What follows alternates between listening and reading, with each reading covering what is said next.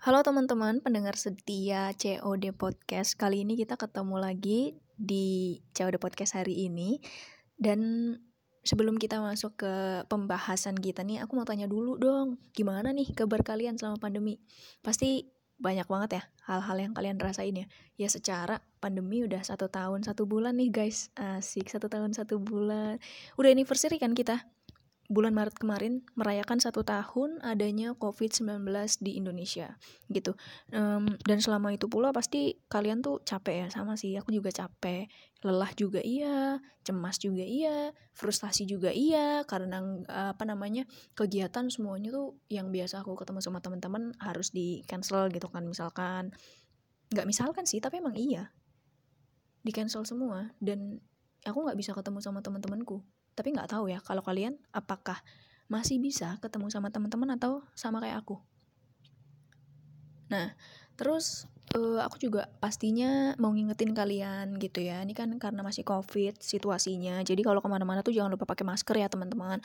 Jangan lupa jaga jarak juga. Terus kalau bisa sih jauhin deh yang namanya kerumunan. Takutnya nanti malah hal-hal yang tidak diinginkan justru datangnya ke kita kayak gitu kan. Nah ternyata balik lagi ya nggak kerasa udah satu tahun lebih satu bulan. Bener-bener deh aku seneng banget gitu loh kalau menyebut satu tahun satu bulan gitu asik. Kayak ya kita udah berdampingan dengan covid itu selama itu guys ternyata. Bahkan katanya ada pendapat lain bahwa ternyata covid-19 nih masuk ke Indonesia tuh di minggu pertama bulan Januari minggu ketiga deh kayaknya. Minggu ketiga bulan Januari tahun 2020 dan sekarang bulan April 2021 dan keadaan ini kan bikin kita terpaksa ya harus mengalami perubahan hidup gitu dari yang tadinya kita bisa bebas main di luar rumah sekarang harus dibatasi. Jadi kebanyakan di rumah terus terus menunda kegiatan yang udah kita rencanain sama teman-teman sama barangkali ada organisasi ya sama organisasi terus sama keluarga juga. Terus udah gitu kalau ke mana-mana harus jaga jarak harus pakai masker gitu kan Bahkan gara-gara COVID ini juga banyak orang-orang yang kehilangan pekerjaan mereka, bahkan kehilangan orang-orang yang sangat-sangat mereka sayangi gitu karena mereka terinfeksi virus corona 19 ini. Dan di berita juga banyak banget yang yang informasiin gitu kalau perkembangan covid di Indonesia nih setiap harinya seperti apa gitu ya dan baru-baru ini pemerintah akhirnya mengumumkan kemunculan penemuan yang menggembirakan dan pastinya ditunggu-tunggu sama kita semua ya. Menggembirakan sih aku rasa ya aku nggak tahu ya menggembirakan atau enggak tapi aku harap dengan adanya penemuan vaksin ini bisa menjadi salah satu solusi biar corona itu cepet-cepet hilang gitu cepet-cepet pergi gitu deh. Karena dia datang nggak diundang pulang pun ya belum kita udah kita suruh pulang dari lama juga dia nggak pulang-pulang gitu loh masih betah aja di sini gitu kan. Nah harapannya dengan penemuan vaksin ini um, semuanya bisa cepat pulih deh gitu ya. Nah, tapi masalahnya nih, teman-teman ya, ternyata setelah vaksin ditemukan malah banyak banget masyarakat yang milih buat kayak nolak tuh ngevaksin dirinya sendiri, kayak bukan ngevaksin ya tapi melakukan vaksinasi gitu buat e, kesehatan dirinya sendiri dengan alasan ah ngapain sih vaksin-vaksin kayak gitu? Toh juga kita selama ini hidup berdampingan sama covid biasa-biasa aja maksudnya belum belum ada efek yang gimana-gimana sama kita terus nanti adanya vaksin kita malah sakit lagi kayak gitu. Nah itu banyak banget tuh teman-teman yang beranggapan kayak gitu. Kan jadinya ada pro ada kontra juga ya tentang vaksin itu sendiri. Bener nggak sih nih vaksin bisa ngebebasin kita dari covid atau malah kayak bikin kita sakit?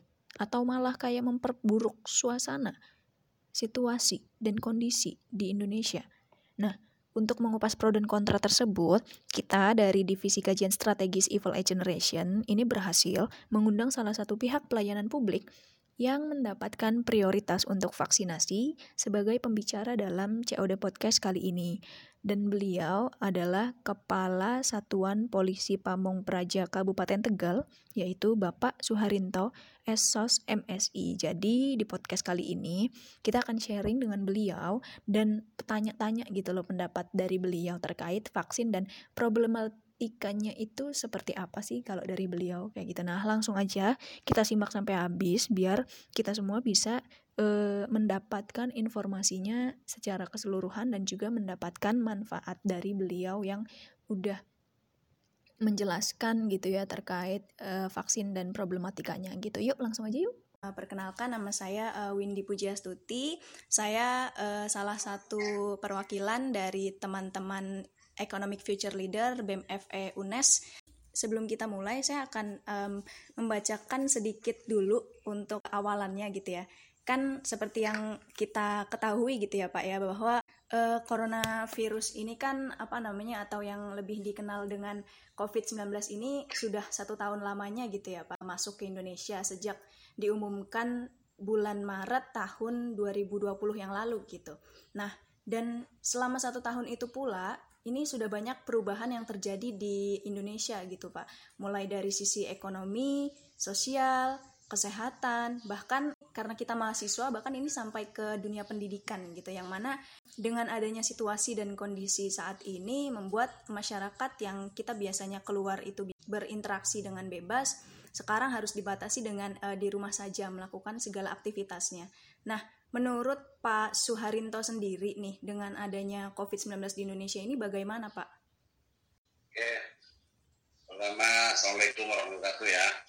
Yang jelas dengan adanya wabah virus 19 atau COVID-19 ini jelas berpengaruh di semua leading sektor. Tidak hanya terbatas pada sisi pedagang kaki lima, juga kepada perusahaan tingkat tinggi maupun juga pada dunia-dunia lain, baik itu pendidikan maupun yang lainnya, termasuk pesantren. Jadi kita sepakat bahwa dengan adanya COVID-19 ini sangat berpengaruh di semua sendi-sendi kehidupan pemerintah. Artinya secara umum berpengaruh pada kehidupan masyarakat Indonesia secara umum, khususnya wilayah masing-masing. Demikian, Mbak. Ini selanjutnya nih Pak, uh, kan ini juga sekarang uh, pemerintah Indonesia nih lagi gencar-gencarnya ya Pak mengupayakan agar pandemi di Indonesia ini bisa cepat-cepat pulih gitu ya, istilahnya bisa cepat-cepat selesai. Nah dengan cara sekarang ini kan pemerintah sudah mulai nih mempublikasikan vaksin gitu kan ke masyarakat kita, walaupun eksekusinya ini masih secara bertahap gitu ya Pak. Nah menurut Pak Suharinto sendiri nih Pak, Gimana sih uh, dengan adanya upaya seperti ini? Apakah akan efektif nantinya bisa mengembalikan keadaan atau uh, bagaimana nih Pak? Karena kan banyak nih masyarakat yang berpikiran bahwa oh berarti kalau vaksin sudah uh, dipublikasikan ke masyarakat dan uh, siap didistribusikan, kita bisa beraktivitas kembali seperti biasanya gitu ya Pak? Atau gimana nih menurut Bapak?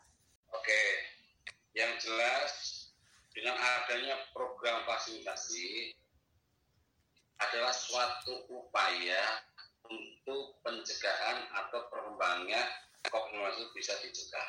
Jadi salah, salah satu upaya untuk bisa mencegah penurunan COVID-19 atau untuk bisa mengakhiri daripada pandemi COVID-19 ini, salah satunya adalah penyuntikan vaksinasi. Itu salah satu upaya. Kenapa saya katakan salah, salah satu upaya? Ketika kita sudah disuntik vaksin, tidak jaminan bahwa seseorang yang disuntik vaksin itu akan tidak terkena virus corona atau tidak terpapar. Tidak. Jadi itu salah satu upaya untuk meningkatkan kekebalan tubuh. Yang jelas tetap disuntik atau melalui vaksinasi dua kali, ketika mendengar uh, pengumuman gitu ya bahwa vaksin untuk COVID ini sudah siap disebarluaskan ke masyarakat setelah melalui tahapan panjang gitu ya. Nah, uh, menurut uh, Bapak tuh pas dengar COVID-nya sudah siap untuk didistribusikan nih uh, gitu istilahnya. Nah, itu menurut uh, Bapak pandangan Bapak tuh gimana waktu pertama kali mendengar seperti itu? Prinsip kami karena kami sebagai pelayan publik ya, apalagi sebagai aparatur pemerintah ya welcome welcome bahkan ikut mensosialisasikan kepada masyarakat dan uh, masyarakat umum, ayo kita dukung program vaksinasi itu. Dan nyatanya ketika dilaksanakan, tidak terasa apa-apa kok. Untuk saya pribadi loh ya, tidak sakit, tidak terasa. Masih sakit dicubit, dicubit, ya orang marah nyubit itu lebih sakit itu dibandingkan divaksin. Satu itu. Dan efek vaksin, efek setelah divaksin itu memang tidak sama antara satu orang yang satu dengan orang lain. Seperti Bapak ya, ketika disuntik jujur aja bapak nggak begitu terasa kok. Karena setelah ngobrol sudah pak. Oh sudah. Oh nggak terasa. Tapi ada juga yang terasa. Tapi yang penting adalah terasa tidak terasa disuntik itu efeknya yang mau diperhatikan. Kalau efek normal standar biasa itu ada tiga yang yang disampaikan oleh para medis. Satu pegel, pegel itu pun masih bisa tahan kadar kadar masih bisa pegelnya. Kedua rasa pusing, pusing itu pun pusing yang masih wajar, bisa minum obat yang umum. Kemudian rasa panas sedikit menggigil, tapi itu pun menurut dokter masih cukup minum paracetamol sudah sembuh. Ya. Kemudian yang terakhir lemes sedikit lemes rasa lapar itu yang saya rasakan oleh bapak. Bapak efek itu yang saya jadi setelah karena dalam waktu 24 jam tidak ada efek yang dari efek standar, maka segera harus ke rumah sakit atau ke dokter. Nah, standar itu ya seperti itu tadi.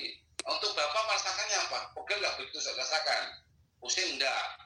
Kemudian yang Bapak rasakan ada apa? Agak sedikit lemes, lapar. Ya makan yang banyak lah. Semakan banyak, kenyang, tidur, bangun, selesai sudah. Jadi dalam waktu 24 jam setelah vaksin, ketika tidak ada gejala sesuatu yang dari standar yang disampaikan dokter, ya sudah, aman.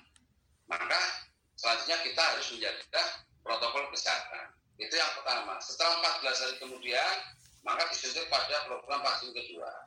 Yang perlu di, e, dicatat adalah kita harus bersama-sama menyampaikan kepada masyarakat bahwa vaksin itu justru tidak berbahaya.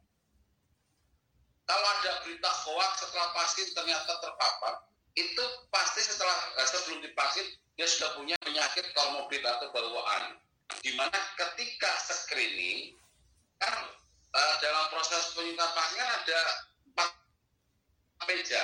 Pertama kita daftar, ya, terdaftar datanya kita catat, catat, kita seleksi pertama adalah pensi. Pensi kita memenuhi apa tidak? Pensi memenuhi meja ketiga screening atau selektivitas. Ditanya macam-macam penyakit yang ada atau yang dibawa atau punya saat ini sedang dirasakan apa. Kuncinya agar tidak terjebak oleh semata-mata bahwa setelah vaksin kemudian terkena terpapar COVID adalah jujur ketika screening pada meja ketiga. Bapak pernah punya penyakit ini pernah kapan? Sekian tahun yang lalu. Bapak punya penyakit ini kan uh, kan sudah disiapkan. Punya, tapi sekian tahun sekarang sudah sudah sembuh uh, Bapak punya gula darah, punya sudah gimana berita terapa kondisi seperti ini.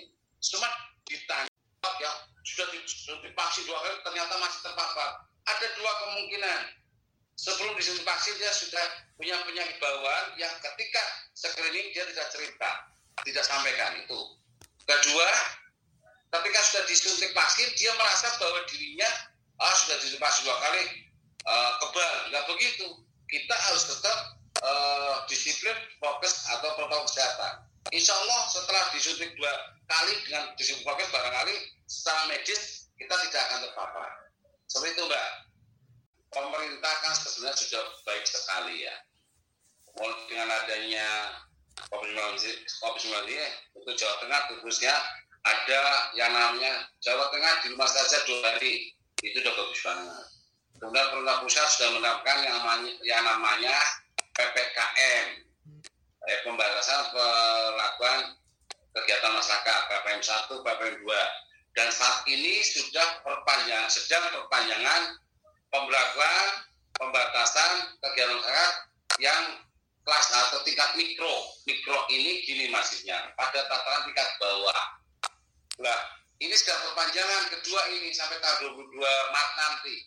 Nah, diharapkan dengan adanya program pemberantasan pembelakuan kegiatan masyarakat mikro pada tahun ini, betul-betul sasarannya adalah masyarakat pedesaan atau masyarakat umum yang ada di desa agar dia menyadari bahwa COVID-19 ini, ini ada dan berbahaya ketika kita tidak mentaati apa menjadikan perintah pemerintah atau melaksanakan aturan pemerintah dalam rangka menghadapi COVID-19. Harapannya dengan masyarakat secara umum menyadari bahwa sesungguhnya COVID itu ada. Sehingga ketika ada masyarakat yang terpapar COVID, Jawa Tengah sudah memberikan sudah program namanya Joko Tonggo. Namun Joko Tonggo ini pun tidak semua daerah jalan, Mbak.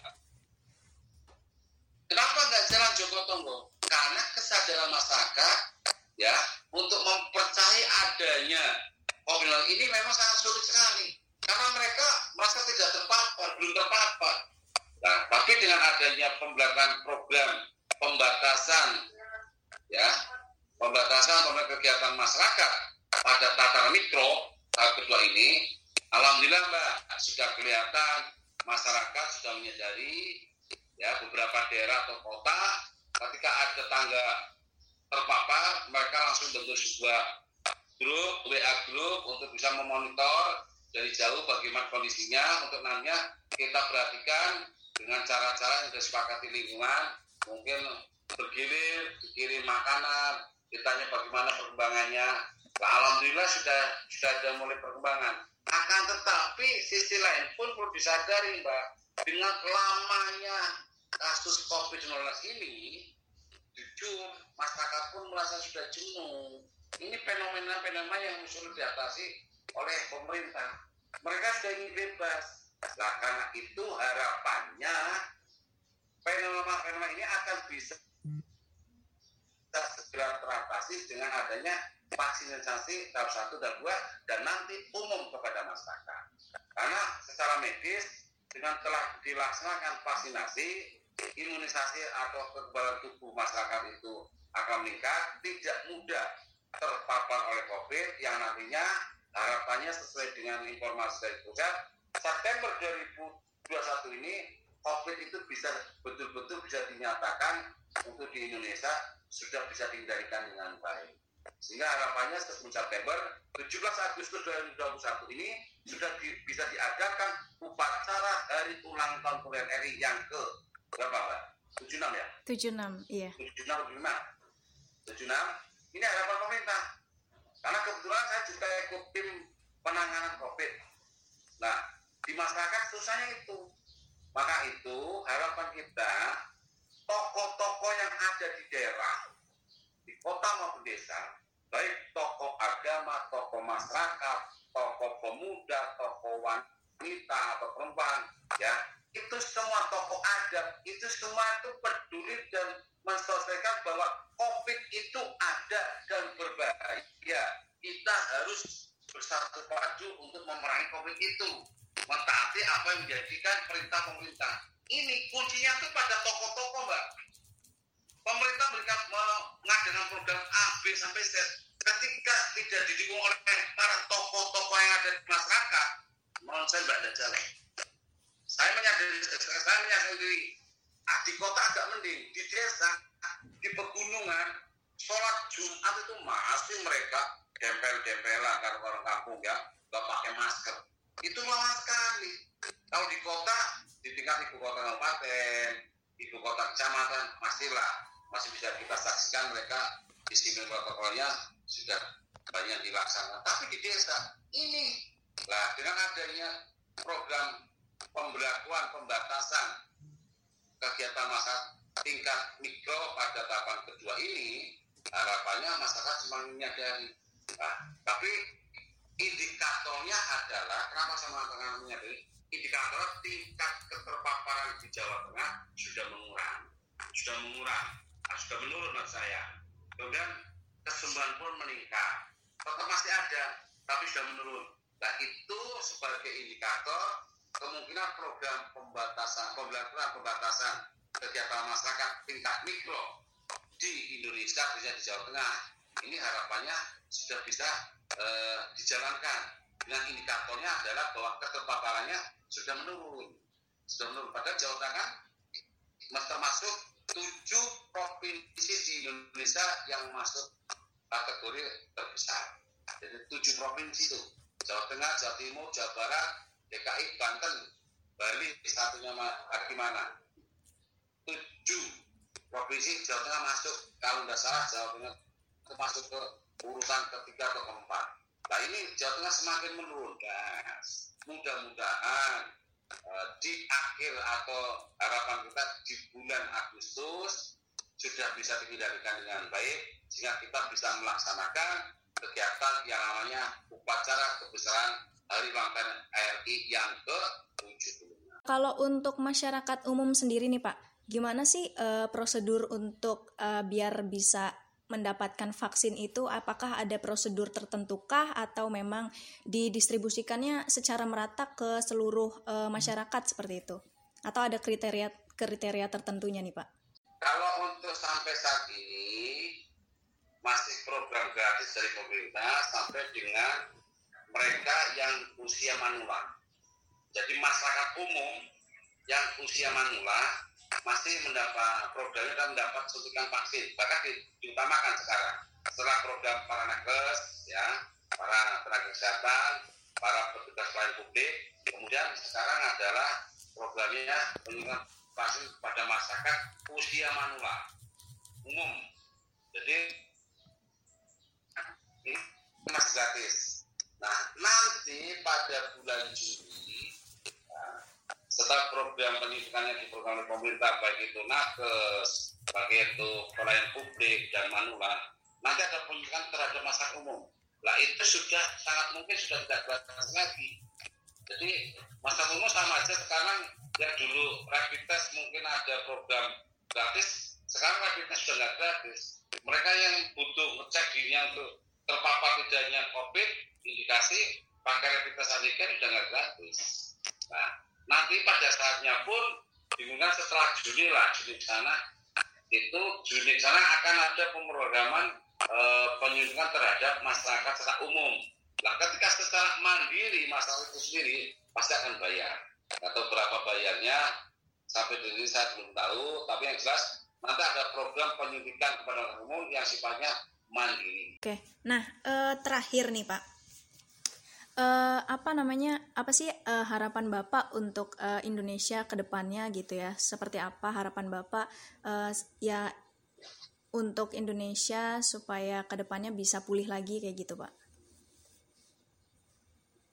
Yang jelas pertama itu harapan besar saya sebagai salah satu anggota petugas penanganan COVID-19 di tingkat kabupaten seluruh masyarakat Indonesia itu menyadari bahwa COVID ini COVID-19 ada, itu yang pertama. Setelah menyadari bahwa COVID itu ada, kita tidak boleh takut, tapi kita ikhtiar atau berupaya. Setelah menyadari itu ada, disiplin melaksanakan apa yang menjadi perintah atau himbauan pemerintah. Ya, nah, dengan adanya menyadari bahwa COVID-19 itu ada, dan dia patuh terhadap perintah himbauan pemerintah yaitu menjalankan prokes maka jelas Indonesia akan bisa tercapai keinginannya bebas dari COVID-19 dalam waktu dekat. Tapi ketika masyarakat tidak menyadari masih belum ah COVID itu nggak ada, ah nggak usah takut dengan COVID. Kita memang nggak boleh takut dengan COVID, tapi bukan berarti kita meremehkan bahwa nggak bakal terkena COVID. Ya, kita nggak boleh takut, tapi kita ikhtiar. Ikhtiarnya apa? Patuh terhadap perintah pemerintah, himbauan pemerintah untuk melaksanakan prokes itu sendiri. Nah, dengan adanya patuh terhadap himbauan pemerintah, menyadari bahwa corona itu ada, maka jelas, insya Allah corona di bumi Indonesia ini bisa dihancurkan atau bisa dilawan, bisa punah, pusat, musnah. Tapi ketika masyarakatnya dari tingkat bawah sampai tingkat atas, terutama tingkat bawah. Terutama tingkat bawah dan yang saya perhatikan, mohon maaf, Mbak, itu terutama mereka-mereka yang notabene tanda kutip ya, tanda kutip, yang merasa agamanya tinggi, ilmu agamanya tinggi. Terkadang mereka mengatakan atakdir. Ini saya katakan oknum ya. Oknum yang terkadang merasa ilmu agamanya tinggi, mereka mengatakan oh, mereka mengatakan dengan corona. Nah ini yang saya tidak sepaham. Andaikan para tokoh-tokoh semua tokoh-tokoh mengatakan, eh corona itu ada dan kita harus disiplin, mati pernah ini. Insya Allah mbak, cepat sekali penanganan COVID itu akan selesai. Nah, jadi jangan percaya dengan wah itu. Yang sering-sering saya, mohon maaf mbak, ketika kunjungan misalnya ada pengajian itu saya tugas di lingkungan itu di acara itu adalah kesel sendiri. Mereka dengan jalan santainya beberapa santri ya pecinya mereka nggak pakai masker tegar gitu. Allah udah apa-apa insya Allah nah ini insya Allah ya sebagai orang muslim. Tapi kenyataannya kan ini ada.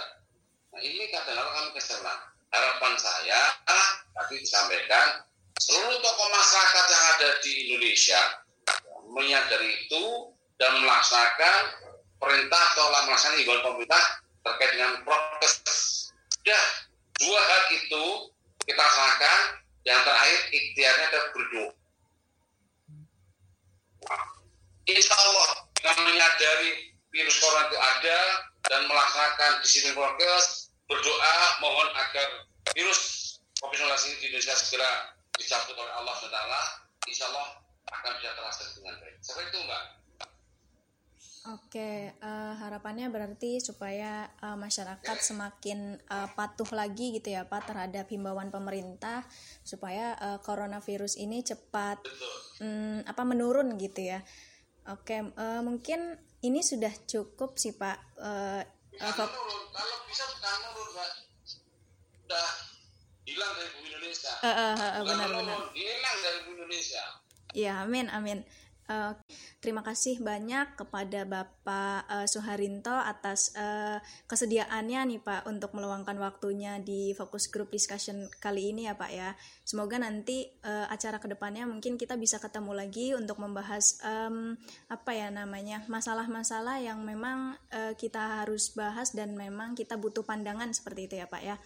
Nah, itu tadi ya teman-teman informasi yang disampaikan dari Bapak Suharinto Esos MSI terkait vaksin dan problematikanya itu seperti apa. Informasinya banyak banget ya teman-teman yang bisa kita dapat dan ya dengan informasi yang dikasih sama Pak Suharinto tadi, harapannya kita semua masih tetap mau ya menjaga kesehatan diri kita sendiri gitu ya teman-teman ya. Setidaknya kita kalau keluar rumah ya tetap harus pakai masker bawa hand sanitizer kalau perlu terus juga bukan kalau perlu sih tapi memang harus gitu. Terus juga menjaga jarak gitu ya walaupun pergi sama teman tetap harus jaga jarak nomor satu. Terus kalau bisa jangan terlalu lama kalau pergi-pergi gitu ya. Kasihan yang di rumah kalau misalkan kita pergi terlalu lama terus ternyata pulang membawa virus kan gak baik juga ya dan semoga dengan adanya podcast kali ini nih bisa bikin kita makin sadar lagi bahwa ternyata COVID itu sebenarnya apa ya dibilang membahayakan juga ya memang membahayakan dibilang dia gimana juga ya emang begitu ya adanya ya. Aku bingung mau menjelaskan apa gitu loh sekarang. Ya pokoknya intinya gitu deh apa namanya semoga kita selalu terhindar dari yang namanya virus corona itu dan semoga Indonesia cepat-cepat pulih gitu ya teman-teman. Amin. Oke karena tadi udah bahas-bahasnya sama Bapak Soeharto berarti kita udah dulu nih ketemunya. Nanti ketemu lagi ya di COD berikutnya. Dah